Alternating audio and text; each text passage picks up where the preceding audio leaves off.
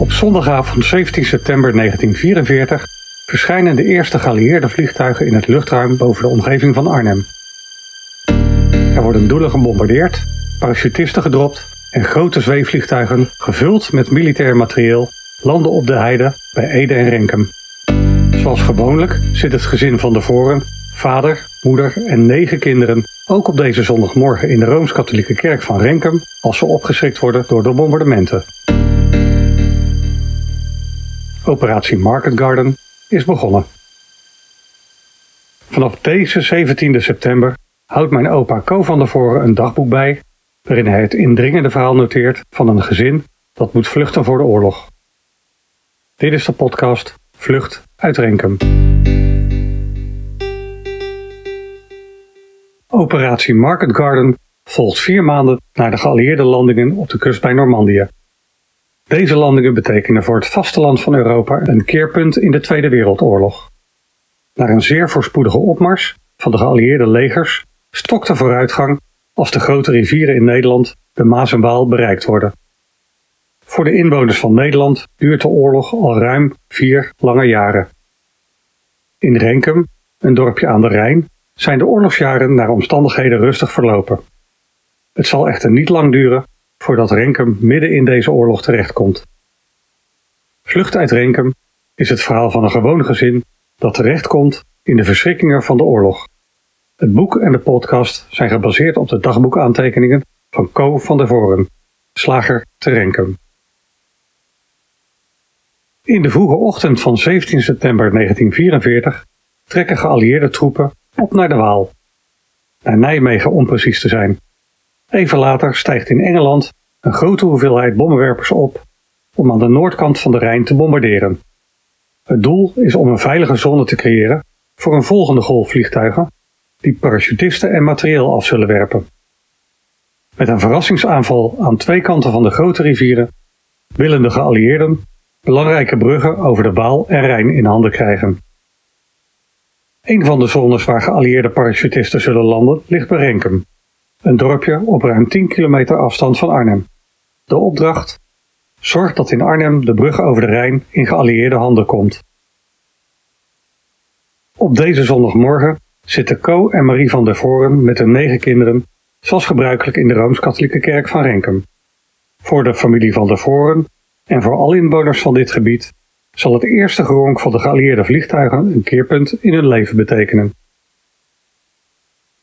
Zondagavond 17 september, 12 uur s'nachts. Vanmorgen tijdens de hoogmis begon het bombarderen van Wolfhezen.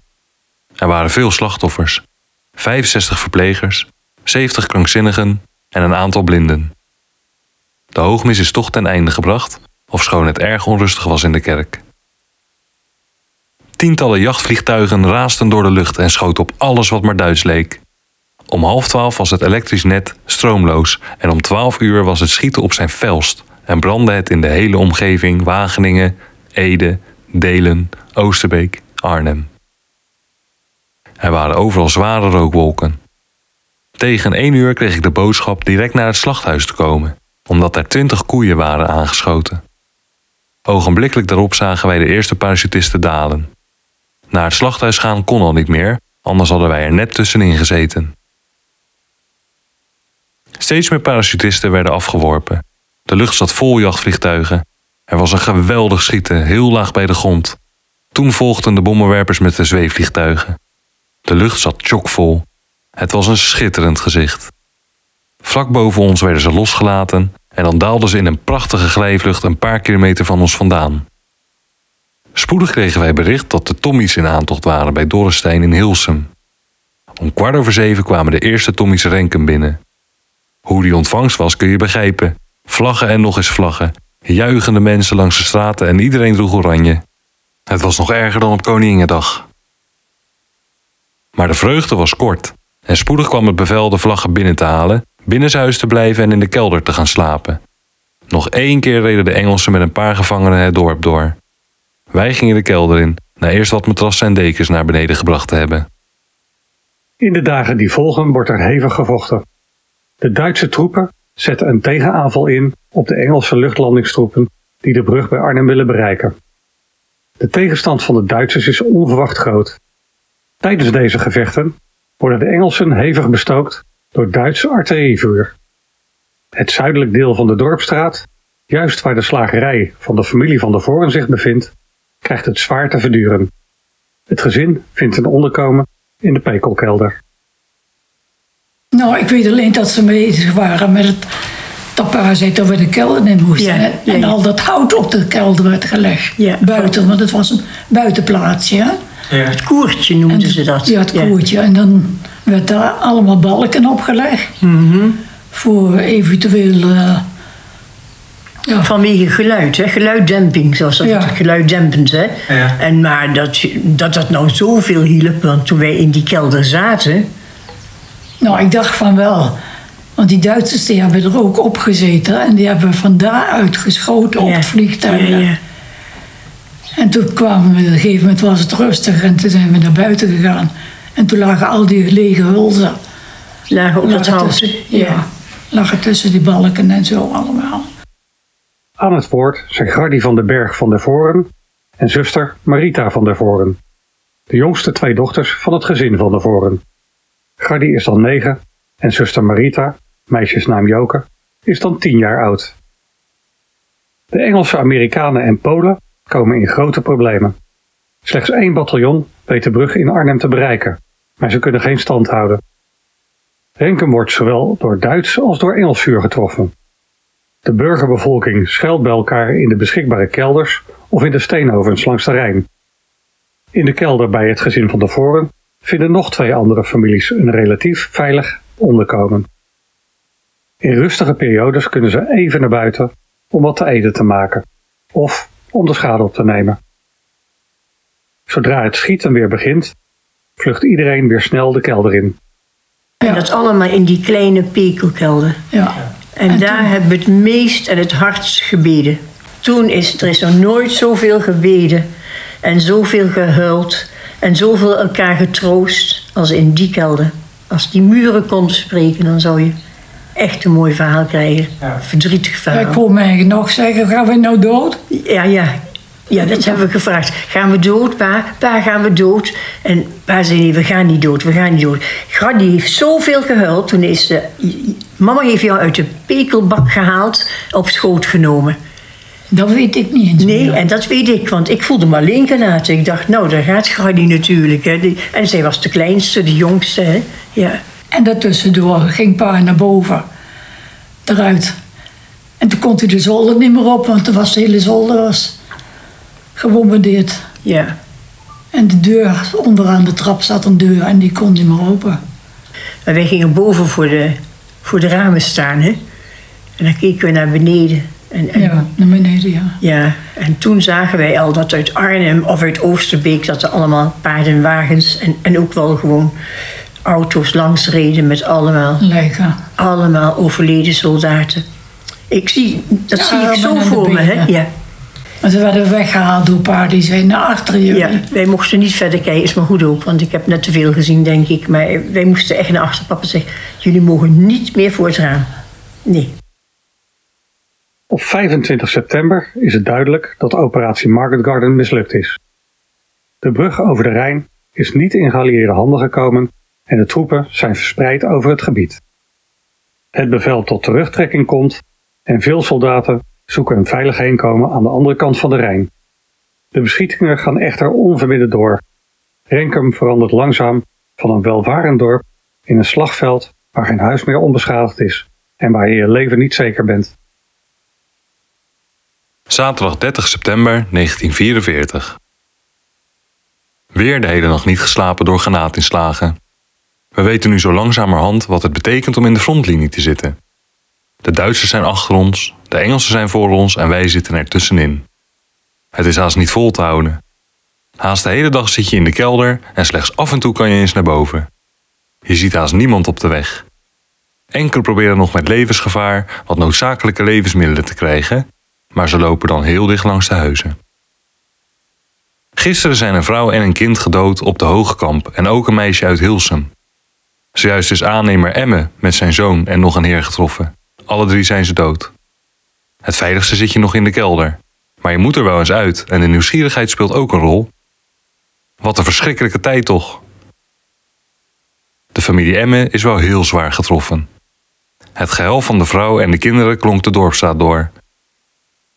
We zitten weer in de kelder en mevrouw Hurkmans heeft kans gezien een kop chocolade warm te krijgen. Daar knap je iets van op.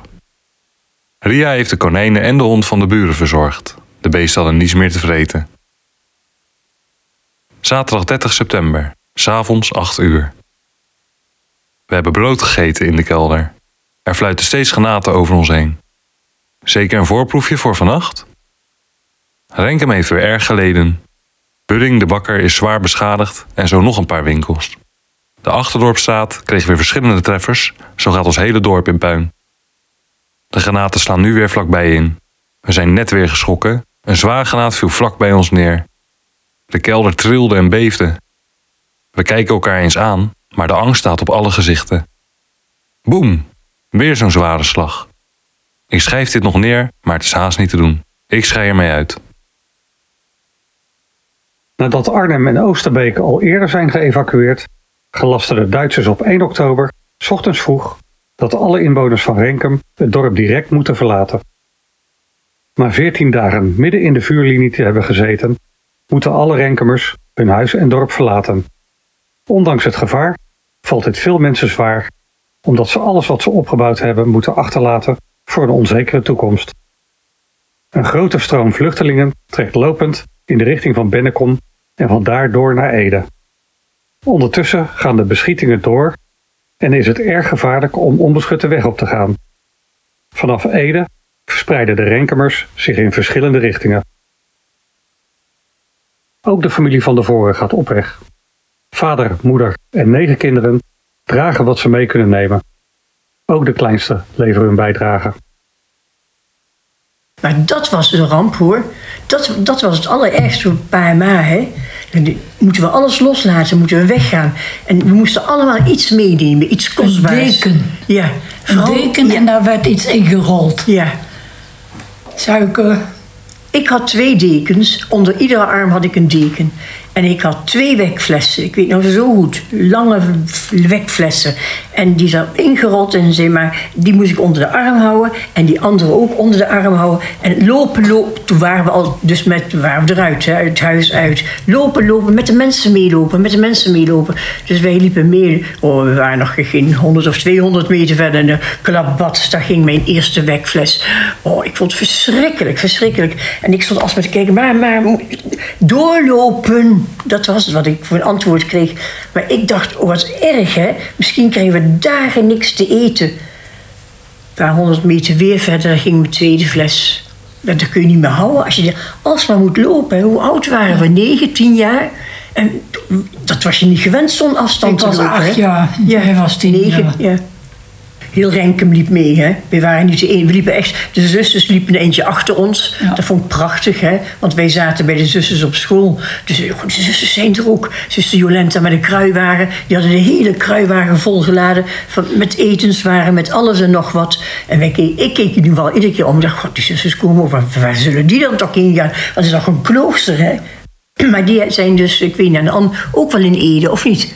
Bij een andere Weet ik boer in niet waar Ede. die zijn gebleven. Oh, dat weet ik ook niet. Maar ze zijn heel eind met ons meegelopen. En een maar was iedere keer 1, 2, 3, 4, 5, 6, tellen. 7, 8, 9. Zijn we er allemaal doorlopen. Dat, alleen maar doorlopen. Dat, dat staat me nog zo goed bij. Ja. We lieten alles achter. De zaak waar wij twintig jaar lang hard voor gewerkt hebben, we hebben hem gemaakt tot de beste van de omgeving. Onze prachtige werkplaats en ons huis, waar we zoveel lief en leed hebben meegemaakt. Alles weg. Overal zagen wij de mensen hun huis uitkomen. Allemaal met bundeltjes kleding en dekens onder de armen. Iedereen trok in de richting Bennekom. Tot overmaat van ramp begonnen de granaten ook weer in te slaan. Wij moesten achter de oude fabriek het bos door en zo naar de Bennekomse weg. Telkens floten de granaten langs en over ons heen. Later hoorden wij dat er nog tien mensen gedood zijn tijdens deze droevige tocht. Een man uit Hilsum heeft zijn eigen vrouw in de tuin moeten begraven, alleen toegedekt met een rietmat. Zij kwam net de deur uit en werd direct door een scherf getroffen. Op de Bennekomsweg was het een drukte van belang. Een lange file van vluchtelingen, allerlei dingen met zich meevoerend: kruiwagens, kinderwagens, trekwagens, paarden en karren, draagbaren waarop zieken lagen. Handwagens met een ladder erop en daar beddengoed bovenop en dan al die oude mensen en ongelukkigen ertussen. Wat een zielig gezicht. De zusters uit het klooster hadden een kruiwagen bij zich en moesten om de beurt kruien. Wij konden hen ook niet helpen, omdat wij genoeg met onze eigen spullen te doen hadden. Zo ging het iedereen. Iedereen had genoeg met zichzelf te doen. Wel zag je dat hier en daar oude mensen op een kar werden genomen en zo vooruit werden geholpen, maar het merendeel moest lopen. Fietsen was onmogelijk. Telkens moesten we wachten. Eerst op Wientjes, omdat Greta met ons meegelopen was en haar ouders dus niet wisten waar ze was. Toen weer eens om uit te rusten, want met al het gesjouw waren we erg moe, en dat in regen en modder. Dan maar weer verder. We waren blij uit de vuurlinie te zijn toen we Bennekom doortrokken. De mensen stonden allemaal langs de straten en aan hun gezichten kon men zien dat ze diep meeleden met ons hadden. Maar daar kwamen we niet veel verder mee en waar moesten wij naartoe? We sjouwden maar voort, zonder doel. In Ede werd ons toegeroepen dat Ede vol zat met vluchtelingen en dat wij door moesten naar Scherpenzeel. Nog eens vier uur lopen en wij waren al vier uur onderweg. De kinderen konden haast niet meer vooruit en mama was ook doodmoe. Toch moesten we verder en we trokken Ede door, de grote straatweg Arnhem-Utrecht op. Een paar kilometer verder werden we geroepen door een boer, de heer Jansen, die ons een glas melk aanbood en ons naar zijn broer iets verder het land in verwees. Daar konden wij s'nachts blijven. De familie Witteveen bleef ook bij ons, zodat wij met 21 personen bij de heer Jansen onderdak kregen. Door en door moe waren we allemaal en we waren o zo blij dat wij wat konden uitrusten. Met een paar boterhammen en een warme kop drinken kwamen we alweer wat bij. Nadat we al onze avonturen nog eens verteld hadden, zijn we bij een karbietlantaarn gaan slapen. Een der ongelukkigste dagen in ons hele leven was voorbij. De dag dat met een klap al ons bezit verloren ging. Wanneer zullen wij ooit terugkeren? Na een verblijf van 2,5 weken op de boerderij van de familie Jansen in Ede moet het gezin op last van de Duitsers weer verder trekken. Vader Co heeft contact gehad met Heroom Spaan. Heroom Spaan is pastoor in Montfort en is bereid het gezin op te vangen. Het gezin is welkom, maar een reis van Ede naar Montfort is niet gemakkelijk. Vervoermiddelen zijn schaars, er zijn veel vluchtelingen onderweg en reizen met de oudere jongens is gevaarlijk. Uiteindelijk lukt het om met veel moeite en gevaar vanuit Ede in Zeist te komen. Hier wordt overnacht in een vluchtelingenopvang. De volgende dag weet het gezin met een tussenstop en een maaltijd bij kennissen in Utrecht Montfort te bereiken. We zijn gistermorgen om half tien vertrokken. Het was slecht weer, maar later werd het droog. Het afscheid bij Jansen viel ons zwaar en we waren erg onder de indruk. Nooit zullen wij de goedheid van die mensen vergeten. Om één uur waren we in Woudenberg en daar troffen we in het kasteel mijn collega kerkmeester Peters en zijn vrouw. Zij gingen naar Soest. Honderden keren ben ik dit kasteel per auto gepasseerd, maar nooit konden we dromen dat wij daar met ons hele gezin als vluchtelingen zouden aankomen met een boerenwagen. Met een andere wagen waren wij na een paar uur in Zeist. We zitten in een kerk aan het slot Zeist. We kregen gisteravond een portie kool en we konden weer het stro in. Marie en de meisjes gingen met zuster Han mee en kregen een bed. Zelf ben ik later op een brancard gaan liggen. De hond moest ik bij mij houden en dan likte hij mij telkens. Op zo'n brancard kun je toch niet slapen. Maar de nacht is bijna om. Van der Zwaan ligt vlak bij mij op een bank en daar heb ik telkens mee gepraat. Als we hier maar gauw wegkomen, want met al die mensen hier is het hopeloos. Gisteren een poosje bij me lief geweest. Ze waren erg aardig en boden alle mogelijke diensten aan. In Utrecht hebben wij onze bagage bij de familie Koenders op de Leidse weg gebracht. Ze stonden direct voor ons klaar. De heer Koenders paste direct het eten aan en we kregen een heerlijk middagmaal. Hun eigen kinderen hebben toen een broodmaaltijd genomen. Wij waren erg dankbaar en om drie uur werd de reis te voet voortgezet. Anna Koenders en een paar dochters vergezelden ons tot de Meern. Dat scheelde ons heel wat in de eentonigheid.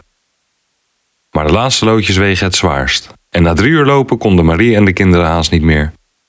Eindelijk kwam Montfort in zicht en kwamen Maria, Ali en Piet ons tegemoet rijden. Ze hadden de hele dag al gewacht en dachten niet meer dat wij zouden komen. Hero ontving ons zeer hartelijk en had alles al in gereedheid gebracht. En wij dankten God dat we op de plaats van bestemming waren aangekomen. Eerst hebben we uitgerust en goed gegeten en daarna naar bed.